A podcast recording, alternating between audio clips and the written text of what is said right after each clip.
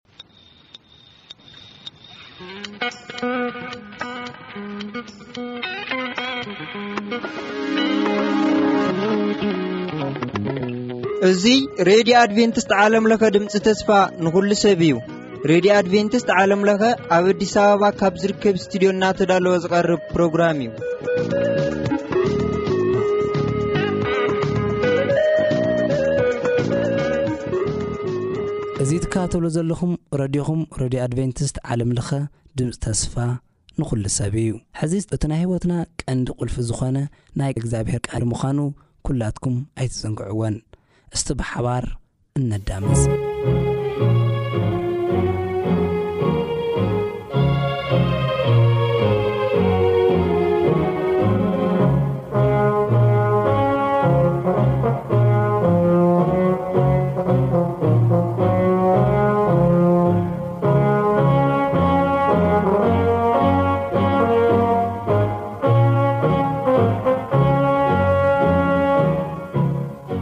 ሰላም ከመይ ቀኒኹም ክቡራት ተኸታተልቲ መደባትና እዚ መደብ እዚ መደብ ቃል ኣምላኽ እዩ።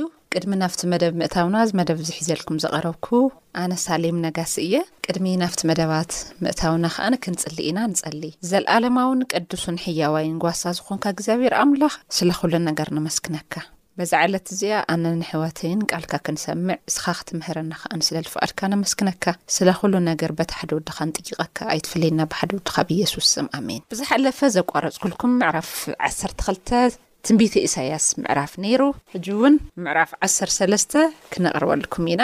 እንታይ ይብልሲ፣ እግዚኣብሔር ንባቢሎን ክቐጽዓ እዩ ብዝብል ኣርእስቲ ምዕራፍ ዓሰርተ ሰለስተ ክነጀምር ኢና። ኢሳይያስ ወዲ ኣሞጽ ብዛዕባ ባቢሎን ዝረኣዮ ጾር ይብል፣ ኣብ ልዕሊ ነዊሕ እምባ ሰንደቕ ዕላማ ትኸሉ። ነቶም ሰራዊት ዓው ኢልኩም ኣድምጹሎም፣ ኣሕሉቕ ብበሪ ምእንቲ ኺኣትዉ ብኢድኩም ኣመልክቱሎም። ነቶም ቅዱሳነይ ኣዚዘዮም ኣሎኹ፣ ንጀጋኑየይ ነቶም ብኽብረይ ዕልል ዚብሉውን ቍጥዓይ ንምፍጻም ጸዊዐዮም ኣሎኹ። ድምጺ ወኻዕታ ከም ብዙሕ ህዝቢ ኣብ እምባታት ኣሎ፣ ድምጺ እቶም እኩባት መንግስታት ኣህዛብ ይሃምም ኣሎ። እግዚኣብሄር ጐይታ ሰራዊት ነቶም ሰራዊት ኪስለፍ ይእዝዞም ኣሎ። እግዚኣብሄር ኣጽዋር ቍጥዕኡ ነታ ምድሪ ብምልእታ ኼጥፍእ፣ ካብ ወሰን ሰማይ፣ ካብ ርሑቕ ሃገርን ኪመጹ እዮም። መዓልቲ እግዚኣብሄር ቀሪባ እያ እሞ፣ ብኸዩ። ካብቲ ዅሉ ዚኽእል ኣምላኽ ጥፍኣት ይመጽእ ኣሎ። ስለዚ፣ ኣእዳው ደቂ ሰብ ኪምለሳ እየን፣ ልቢ ዅሉ ሰብ ከኣ ኪመክኽ እዩ፣ ኪድንግጽ፣ ቃንዛ ሓዘን ኪሕዞም እዩ። ከም እትሓርስ ሰበይቲ ኪቕልውለዉ፣ ተገሪሞም ንስ ንሳቶም ኪጠማመቱ እዮም፣ ገጾም ከኣ ገጽ ሃልሃልታ እዩ። እኒሃ መዓልቲ እግዚኣብሄር ምስ መዓት ብርቱዕ ቍጥዓ ናህርን መሰኪሒት ኰይና ትመጽእ ኣላ፣ ንምድሪ ክተባድም፣ ነቶም ኣብኣተን ዝነብሩ ሓጢኣን ድማ ክተጥፍኦም እያ። ከዋኽብቲ ሰማይ ሰራዊቶም ብርሃኖም ኣይህቡን እዮም፣ ጸሓይ ክትበርቕ እንተላ ኽትጽልምት እያ፣ ወርሒ ኸኣ ብርሃና ኣይክትህብን እያ። ንዓለም ስለ ኽፍኣታ፣ ንሓጢኣን ድማ ስለ ሓጢኣቶም ክቐጽዖም እየ። ዅርዓት ዕቡያት ክዓ መወዳእታ ክገብረሉ ንትዕቢት እቶም ገፋዕቲ ከዋርዶ እየ። ነቶም ዝተረፉ ካብ ጽሩይ ወርቂ ካብቲ ወርቂ ኦፊር ድማ ዝኸበሩ ክገብሮም እየ። ንሰማያት ከንቀጥቅጦ እየ፣ ምድሪ ኸዓ ብመዓልቲ ርሱን ቍጥዓኣ ጐይታ ሰራዊት እግዚኣብሄር ካብ ስፍራኣ ክትናወጽ እያ፣ ከም እትሃድም፣ ሚዳቋን ጓሳ ከም ዘይብለን መጓሰን ኮይኖም ነብሰ ወከፍ ነናብ ህዝቦም ክምለሱ ነናብ ሃገሮም ክሃድሙ እዮም። ኩሉ ዝተረኸበ ክውጋእ እዩ፣ ዝተትሓዘ ኸዓ ብሰይፊ ክወድቕ እዩ። ኣብ ቅድሚ ኣዒንቶም ህጻናቶም ክጭፍጨፉ እዮም፣ ኣባይቶም ክብዝበዝ እዩ፣ ኣንስቶም ድማ ክንወራ እየን። እንሆ ነቶም ንብሩር ግዲ ዘይብሎም ንወርቂ ኸዓ ዘይብህግዎ ሜዶናውያን ኣብ ልዕሊኣቶም ከተንስኣሎም እየ። መንተጎም ነጉባዝ ከውድቖም እዩ፣ ንፍረ ማህጸን ድማ ኣይምሕሩን እዮም፣ ኣዒንቶም ንህጻናት ኣይርህርህሎምን እዮም። መንግስቲ ባቢሎን ዕንቊ መንግስታት ኩርዓት ከለዳውያን እያ፣ ገና እግዚኣብሄር ከምቲ ንሰዶም ጎመራን ዘፍረሰን ከፍርሳ እዩ፣ ሰብ ኣብኣ ንዘለኣለም ኣይሰፍርን እዩ፣ ንውሉድ ወለዶ ኸዓ መሕደሪ ሰብ ኣይክትኸውንን እያ፣ ኣዕራብውን ኣብኣ ድንኳኖም ኣይክተኽሉን እዮም፣ ጓሳቱ ድማ መጓሰኦም ኣይሰፍሩላን እዮም። ግና ሰራዊት በረኻ ኣብኣ ክሰፍሩ እዮም፣ ኣባይታ ብጉጓታት ክመልኣ እየን፣ ሰገናት ኣብኣ ክነብራ እየን፣ ኣጋንንት እውን ኣብኣ ክሰራሰሩ እዮም፣ ተዅላታት ኣብ ኣዳራሻት፣ ወኻሩ ድማ ኣብቲ ጽቡቕ ግምብታት ክንቀዉ እዮም፣ ግዜኣ ቐሪቡ እዩ፣ መዓልትታታ እውን ኣይደንጐያን እየን፣ እግዚኣብሄር ንያእቆብ ክምሕሮ እዩ፣ ንእስራኤል ድማ ክሓርዮ እዩ፣ ኣብ ሃገሮም። ከዓ ኸንብሮም እዩ፣ ጓኖት ከዓ ምስኡ ክሕወሱ እዮም፣ ኣብ ቤት ያእቆብ። ክልገቡ እዮም ደቂ እስራኤል ናብታ እግዚኣብሄር ዝሃቦም ሃገር ናብ ሃገሮም ክምለሱ ብዙሓት ኣሕዛብ ክሕግዝዎም እዮም ደቂ እስራኤል ድማ ነቶም ኣህዛብ ኣብኡ ግዙኣትን ኣግራድን ገይሮም ገንዘቦም ክገብርዎም እዮም ነቶም ማረኽቶም ዝነበሩ ክማርኹ ነቶም ዝገፍዕዎም ዝነበሩ ድማ ክገዝእዎም እዮም እግዚኣብሄር ካብ ጻዕርኻ ካብ መከራኻ ካብቲ ኣብኡ ኣቲኻዮ ዝነበርካ ጽኑዕ ባርነት በታ መዓልቲ ከዕርፈካ እዩ። ሽዑ ንጉስ ባቢሎን ከምዚ ኢልካ ክትምስል ኢኻ፣ እቲ ጨቋኒ ኸመይ ዓረፈ? ጭቋንኡኸ ከመይ ኣብቅዐ? እግዚኣብሄር ንዘንጊ ክፍኣት፣ ንበትሪ ገዛእትን ሰበሮ። ነቲ ንህዝብታት ብቝጥዓ እንተይቋረጸ ዝወቕዖም፣ ነቲ ብቝጥዓ ዓጋቲ ዘይብሉ ምስጓግ ነህዛብ ዝገዝእ በትሪ ሰበሮ። ኵላ ምድሪ ኣዕሪፋ ብህድኣ ተቐሚጣ፣ ዕልል እውን ትብል ኣላ። ጽሕድታት ዝግባታት ሊባኖስ እኳ ንስኻ ካብ እትወድቕ ጀሚሩ ክቖርጸና ኢሉ ዝደየበ ሓደኳ የለን እናበሉ ብኣኻ ደስ በሎም። እታ ታሕቲ ዘላ ሲኦል ክትመጽእ እንተለኻ ምእንቲ ክትቕበለካ ኢላ ተሃወኸት። ነቶም ዝሞቱ ዓበይቲ ምድሪ ትበራበረልካ ኣላ፣ ንነገስታት ከዓ ካብ ዝፋናቶም ተተስኦም ኣላ ኩላቶም ካዓ ንስኻ ውን ዶ ከማና ደኺምካ ንስኻ ኸዶ ንኣና ዶ መሲልካ ክብርኻ ቃና መሰንቆታትካ ናብ ሲኦል ወረደ መንፀፍካ ፈለሖ መደረብታኻ ድማ ሓሳኹ እዮም ኢሎም ክምልሱልካ እዮም ኣየ ኣታ ብሩህ ኮኾብ ወዲ ወጋሕታ ከመይ ኢልካ ካብ ሰማይ ወደቅካ ንስኻ ንኣህዛብ ዘዋረድካስ ከመይ ኢልካ ናብ ምድሪ ተደርበኻ፣ ብልብኻ እውን ናብ ሰማይ ክዓርግ፣ ንዙፋንይ ኣብ ልዕሊ ከዋኸብቲ እግዚኣብሔር ልዕል ልዕል ከብሎ እየ፣ ኣብ ወሰን ሰሜን ኣብ ልዕሊ እምባ መእከቢ ከቕምጥ እየ፣ ኣብ ልዕሊ ደመናታት ክዓርግ፣ ነቲ የመና ልዑል ዝኾነ እውን ክመስሎ እየ፣ በልካ።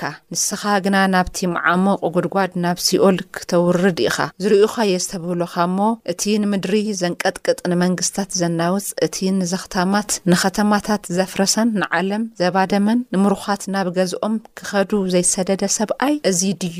ኢሎም ዜስተውዕሉኻ። ኵሎም ነገስታት ኣህዛብ በብገዝኦም ብኽብሪ ደቂሶም ኣለዉ፣ ንስኻ ግና በቶም ብሰይፊ ዝተወግኡ፣ ናብ ናይ ጋህሲ ኣእማን ዝወረዱ ቅቱላት፣ እተኸደንካ ከም እተረገጸ ሬሳ ከም ፍንፉን ጨንፈር ኰንካ ናብ መቓብርካ ተደርበኻ። ንምድርኻ ስለ ዘዕኖኻያ ንህዝብኻ ከኣ ስለ ዝቐተልካዮም ኣብ መቓብር ምስኣቶም ኣይትሕወስን ኢኻ። ዘርኢ ክፍኣት ንዘለኣለም ኣይጽውዓን እዩ። ከይለዓሉ ንምድሪ'ውን ከይወርሱ ንዓለም'ውን ብኸተማታቶም ከይመልኡ ብሰንኪ ሓጢኣት ኣቦታቶም ንደቆም ሞት ኣዳለዉሎም። ጐይታ ሰራዊት እግዚኣብሔር ከምዚ ይብል ኣሎ ኣብ ልዕሊኣቶም ክትስእ እየ። ስም ተረፍ ዘርኢ ትውልዲ ካብ ባቢሎን ከጥፍእ እየ ይብል እግዚኣብሄር። ንባቢሎን ዓዘቕቲ ክገብራ እየ፣ መሕደሪ ቅንዝፍውን ክትኸውን እያ፣ መ ብመኾስተር ጥፍኣት ገይረ ክኹስትራ እየ ይብል ጐይታ ሰራዊት እግዚኣብሄር። ጐይታ ሰራዊት እግዚኣብሄር ከምዚ ኢሉ መሓለ፣ ብሓቂ ኸምቲ ዝሓሰብክዎ ክኸውን እዩ። እቲ ዝመደብክዎ እውን ክቐውም እዩ፣ ንኣሶር ኣብ ሃገረይ ክሰብሮ እየ፣ ኣብ እምባታተይ እውን ክረግጾ እየ፣ ኣርዑት ካብ ልዕሊኣቶም ክለዓል፣ እቲ ሸኽሚ እውን ኣብ ማእገሮም ከውርድ እየ። ኣብ ልዕሊ ዅላ ምድሪ እግዚኣብሄር ዝሓስቦ ሓሳብ እዚ እዩ፣ ኣብ ልዕሊ ዅሎም ኣህዛብ ዝተዘርግሐት ኢዱ እዚኣ እያ። ጐይታ ሰራዊት እግዚኣብሔር መዲብዎ እዩ እሞ መን እዩ ከንቱ ዝገብሮ? ኢዱ ተዘርጊሓ ኣላ መንከ እዩ ዝመልሳ? በታ ንጉሥ ኣካዝ ዝሞተላ ዓመት እዚ ጾር እዚ ኮነ። ኦ ፍልስጥኤም እቲ ዝወቕዓኪ ዝነበረ በትሪስ ስለ ዝተሰበረ ኵልኻትኩም ኣይትተሓጐሱ። ካብ ሱር ተመን ኣፍዑት ይወጽእ እዩ እሞ ፍሪኡውን ዝነፍር ሓዊ ዝመስል ገበል ይኸውን ብኹሪ ደቅይ እቶም ድኻታት ክዋፈሩ ጸገማቶም ክዓ ሃዲኦም ክነብሩ እዮም ንሱርኪ ብጥሜት ክቀትሎ እየ ተረፍ ክውን ክቅተል እዩ ትኪ ካብ ሰሜን ይወጽእ ኣሎ ካብ ስራዊት ክዓ ንበይኑ ዝተርፍ የለን ኣታ በሪ ዋይ ዋይ በል ኣቲ ከተማ ውን ኣእውይ ኵላኻትኩም ፍልስጥኤም ድማ ምኸኹ።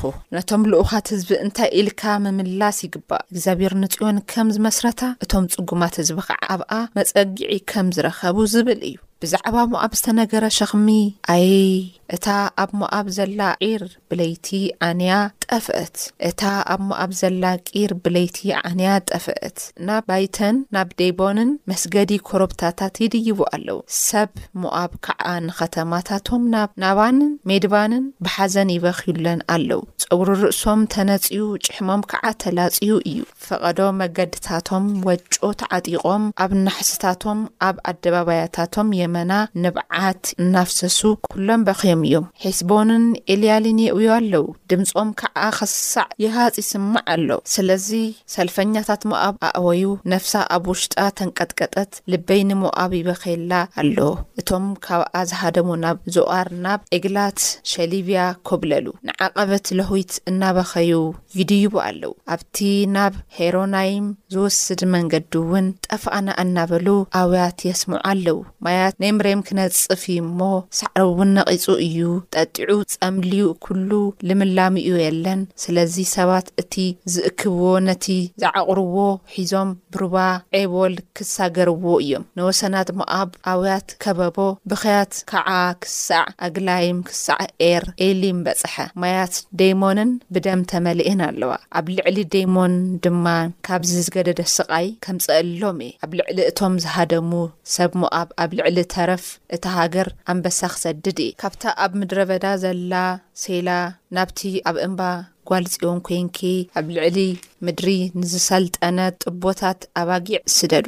ከም ዝነፍር ዒፍ፣ ከም ዝተበተኑ ጫቝታት፣ ከምኡ ኣጓላት ደቂ ሞኣብ ኣብ መስገሪታት ኣርኖን ኪዀና እየን። ምኽሪ ፍርዲ ፍረዲ ቀትሪ እንተሎ ንጽሏሎትኪ ከም ለይቲ ግበርዮ ንዝተሰጐጉ ሕብኢ ንዝሃደሙ ኣይትግለጺ ካብ ሞኣብ ዝተሰደዱ ምሳኺ ይቀመጡ ካብ ቅድሚ እቶም ዘጥፍእዎም ከውሊ ይኹንዮም እቶም ዘጨንቑ ሃሊቖም ጥፍኣቶምውን ተሪፉ እቶም ዝጭነቑ ዝነበሩ ካብ ምድሪ ጠፊኦም እዮም ዙፋን ምሕረት ክምስረት ኣብኡ ክፈርድ ቅንዕና ዝደሌ ጽድቂ ንምግባር ዝፈጥን ብሓቂ ኣብ ዙፋን ዳዊት ክቕመጥ እዩ። ብዛዕባ ትዕቢት ሞኣብ የመና ስለ ምዕባዩ፣ ስለ ኩርዓት፣ ስለ ትዕቢት፣ ስለ ቝጥዕኡ እውን ሰሚዕና ኢና። ትምክሕቱ ከንቱ እዩ። ይሁዳ ህዝቢ ሞኣብ ዕቡያት ምዃኖም ሰሚዕና ኣለና፣ ብርጡጣትን ኩሩዓትን ምዃኖም ከኣ ንፈልጥ ኢና፣ ትምክሕቶም ግና ከንቱ እዩ ይብሉ ኣለዉ። ስለዚ ንሞኣብ ኵላቶም ዋይ ዋይ ክብሉ እዮም ብዛዕባ ናይ ቂር ሔርሴት ጎግ ዘቢብ እናስቆርቆርኩም ክትበኽዩ ኢኹም እቲ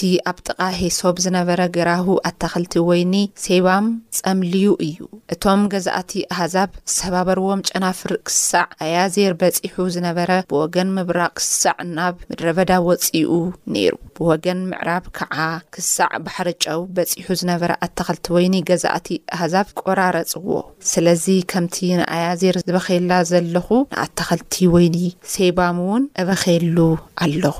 ኣብ ፍረ ሓጋይ፣ ኣብ ቀውዒ ወኻዕታ ድምጺ ኲናት ወዲቑኪ እዩ እሞ፣ ኦ ሄስቦን፣ ኦ ኤልያኢል፣ ብንብዓተይ ኣተርክሰኪ ኣለኹ፣ ኣብቲ ፈራዪ ገራሁ፣ ሓጎስ ተድላ የለን ኣብታ ኣታኽልቲ ወይኒ ደርፊ ዕልልታ የለን ኣብ መጽሙቕ ሓደኳ ወይኒ ዝረግጽ ሰብ የለን ንዕልልታ ረጋገጾ ወይኒ መወዳእታ ገይረሉ እዩሞ ስለዚ ኣምዖተይ ብናይ ሞኣብ ውሽጠይ ብዛዕባ ቂርሔሬስ ከም መሰንቆ ይቑዝም ኣሎ ሞኣብውን ናብ ኮረብታ ደይቡ እንተ ጸዓረ ኣብ መቕደሱ ክጽሊ እንተ ኣተወ ሓደኳ ዝሰልጦ የልቦን። እግዚኣብሔር ብዛዕባ ሞኣብ ቀደም ዝተዛረቦ ቃል እዚ እዩ። ሕዚ ኸዓ እግዚኣብሔር ዝተዓስበ ሰብ መዓልቲ ከም ዝቑጸር ብሰለስተ ዓመት እቲ ኹሉ ክብሪ ሞኣብን ብበዝሒ ኣህዛብ ክዋረድ እዩ። ካብዚ ብዙሕ ህዝባ ውሑዳት ጥራሕ ክተርፉ እዮም። እቲ ዝተረፈ ህዝባ እውን ውሑድ ድኹምን ክኸውን እዩ ይብል እግዚኣብሔር። ኣብዚ ቃል ኣምላኽ ከም ዘንበብኩልኩም መጀመርያ ክጅምር እንከሎ እንታይ እዩ ድብል? ብዛዕባ እዞም ኣብ ልዕሊ ህዝቢ ባሮት ኰይኖም ናብ ምድሪ ባቢሎን ዝኸዱ ኣህዛብ፣ ውድቀት ናይ ባቢሎን፣ ውድቀት ናይ ሞኣብ፣ ውድቀት ናይ ፍልስጤም፣ ውድቀት ናይ ብዙሓት ከተማታት ኣብ ዝሓለፉ ናይ ዮናስ ወይ ደሞ ናይ ናሆም መጽሓፍ ወይ ነብሙ ናይ ኣብድዩ መጽሓፍ ኣቕሪበልኩም ነይረ። እዚ ውድቀት ኣብ ልዕሊ ህዝቢ እስራኤል ዘውደቕዎ ጭካነ እዩ። እዚ ነገር ንሱ ትኽክል ከም ዘይነበረ እግዚኣብሄር ተዓዚቡ ዝኸፈሎም ግብረ መልሲ እዩ። እግዚኣብሄር ሓንቲ ምድሪ ንህዝቢ ክጭንቁን ከሳድዱን ከለዉ ታይ ድብል? እቶም ጎዮም ክሕብኡ ኢሎም ናባኹም ዝመጹ ኣህዛብ ናብ ጥፍኣት መንደር ስለለወሰድኩዎም፣ ስለዘይኸለልክምዎም፣ ስለለይሓባእክምዎም፣ ክኸፍኦም ከሎ ኣይዞኹም ስለለይበልክምዎም ሞኣብ ከተማ ከም ዝጠፍአት። ኣብ ታሪክ መረዳእታ ኣብ ዝቅጽል ምዕራፍ ክነቅርበልኩም ኢና። ሞኣብ ካበይን ኸመይን ከም ዝተፈጠሩ ካብ ምንታይ ዓሌት ከም ዝመጹ ክነቅርበልኩም ኢና። ካብ ዘገርም ዓሌት ውን እዮም መጺኦም ግን እዚኦም ጎረባብቶም ክኸፍኦም ክስደዱ እንከለዉ ዘይርሕሩሑ ጨካናት ኔሮም ስለዚ ግዜ ተገልቢጡ ንኦም ከም ዝመጸ እግዚኣብሄር ንኦም ሐሊፉ ከም ድሃቦም ሓንቲ ምድሪ ናይ ዘርኣ ውጺኢት ከም ዝዓጽድ ኹሉ ካብ እስራኤል ጀሚሩ ኣብ ምድሪ ብዝሓለፉ ናይ ብሉይ ኪዳን ታሪካት እንተድኣ ርኢና ዝነክእዋ እዮም ኣብ ልዕሊኦም በጺሓቶም። ብድፍረት ግደፍ ኣይተመንዝር ህዝቢ እስራኤል ኢሉ ትንቢተ ኤርምያስ ብዘመኑ ክዛረብ እንከሎ፣ ናይ ህዝቢ እስራኤል መንነት ክዛረብ እንከሎ ቅድሚ ነዊሕ ዓመታት እዩ። እዞም ሰባት እዚኦም ክዛረቡ እንከለዉ ሕጂ እዩ። ከይድኩም ከይተገዛእኹም ባሮት ከይኮንኩም እዚ ነገርዚ ግበሩ። ካብ ሓጢኣት ካብ ዓመጻ ካብ ጥፍኣት ተመለሱ ተለይ ኮነ ግን እግዚኣብሔር ኣብ ልዕሌኹም ልኾነ ነገር ከውድቕ እዩ ዘይትኽእልዎ መዓት ከውርድ እዩ ክብሎም ከሎ ንርኢ ግን ዋላ ሓደ ናብ ጠንቆልትን ናብ መናፍስትን ናብ ሓሰውቲ ነቢያትን ናብ ዘየድልዩ ሰባት ከም ዝኸዱ እግዚኣብሔር ከኣኒ ከም ምርጭኦም ኣሕሊፉ ይህዎም ኣብ መጨረሻ ሰዓት እዞም ሰባት እሶም ዝረድኦም ሰብ ደልዮም ዝረድእ ኣካል ኣይነበረን ዝሰምዖም ሰብ ደልዮም ዝሰምዖም ሰብ ከኣኒ ከም ዘይተረኸበ ይነግረና ቃል ኣምላኽ ብኣርከስ ክቡራት ሰማዕቲ መደባትና ኣንሕና ኣብዚ ሕጂ ዘለናዮ ዓለም ካብቶም ንሶም ዝነበሩሉ ዘመን ዝሓሸ ዝባለ ሓጥያት ኣይብልናን እምትርፊ ዝገደደ ሓጥያት ክርከበና ስለምንታይ ሽዑ ሽዑ ንሽዑ እዩ እግዚኣብሔር ናይ ቅጽዓት ውጽኢት ዘውርድ ዝነበረ ሕጂ ግን ተደራሪቡ ሕጊ ኣምላኽ ንዒቕናዮ ናይ ህዝብና ሓዘን መከራ ውርደት ከም ሰሓቕ ንቖጽሮ ጎረባብትና ኣብ ምድሪ ስደት ኮይኖም ክቐርዩ እንከለዉ ኣሓና ንላገጸሎም ሽዑ ናይ ኢድና ንረክብ ንስኻ ጥራሕ ህዝቢ ክስደድ እንከሎ ሓቛፊ ስለ ለይኮንካ ጥራሕስ ንሞኣብስ ንመከራ ደርበየካ ይብሎ ባቢሎን ዓብዪ መቕጻዕቱ ግን ታይ እዩ ብዝሓለፈ ነጊረኩም ነይረ እየ እቶም ንምድሪ ክገዝእ ግዜ ዝሃቦ ግዜን ስልጣንን ዝሃቦ እግዚኣብሔር እዩ ግዜ ክባሃዎ እንከሎስ ባዕሉ ለምጽኦ መሲልዎ ስልጣን ክባወ ከሎስ እቲ ስልጣን ባዕሉ ዝመስረቶ መሲልዎ ግን እዚ ሰብዚ ተራ እዩ ኮይኑ ተራ ሰብ። ከም ብዕራይ ሳዕሪ ከም ዝበልዐ ነጊረኩም ነይረ ምንም ኣብ ቅድሚ እግዚኣብሔር ኩሉ እንታይ እዩ ተራ ነገር እዩ ንእግዚኣብሔር ኣሚንካ ግን ኣብ ልዕሌኻ ንዝለዓል ነገር ግን እንታይ እዩ ምስ እግዚኣብሔር እዩ ባእሱ ስለዚ እዞም ሰባት እዚኦም እዞም ነብያት ተሪእኽምዎም ህዝቢ እግዚኣብሔር ንእግዚኣብሔር ወኪሎም ተቐጺዖም ዝብል ተሃልዩ ነረጋግጽ የለይ ንእግዚኣብሔር ኣሕዚኖም ተቐጺዖም እዩ ልብል ምድሪ ብምልእታ ንእግዚኣብሔር ኣሕዚና ተቐጺዓ እሞ ሳሌም ድኣ እንታይ ኢኪ ክተመሓላልፍልና ደለኪ ጽቡቅ ኣነ ከመሓላልፈልኩም ዝደለኩ ብጥርኡ ኣንሕና ሕጂ ዘለናዮ ንሓልፎ ደለና ከበድቲ ሂወት ብምልኡ እግዚኣብሔር ዘይፈቆዶ ስለ ልኮነ ኢና ከበድቲ ነገራት ነስተኣናግድ ደለና ስለ ዘንሕና ንውረድ ንዑ ናብቲ ጽዮን ንተኣከብ ናብቲ ኩሉ ድክእል ናብቲ ኣቦ ሰላም ድኮነ እግዚኣብሔር ንዘለናዩ ከበድቲ ችግራት ከስተካክሎ እዩ። እግዚኣብሔር ንምርኮታትና ክመልሶ እዩ እግዚኣብሔር ንችግራትና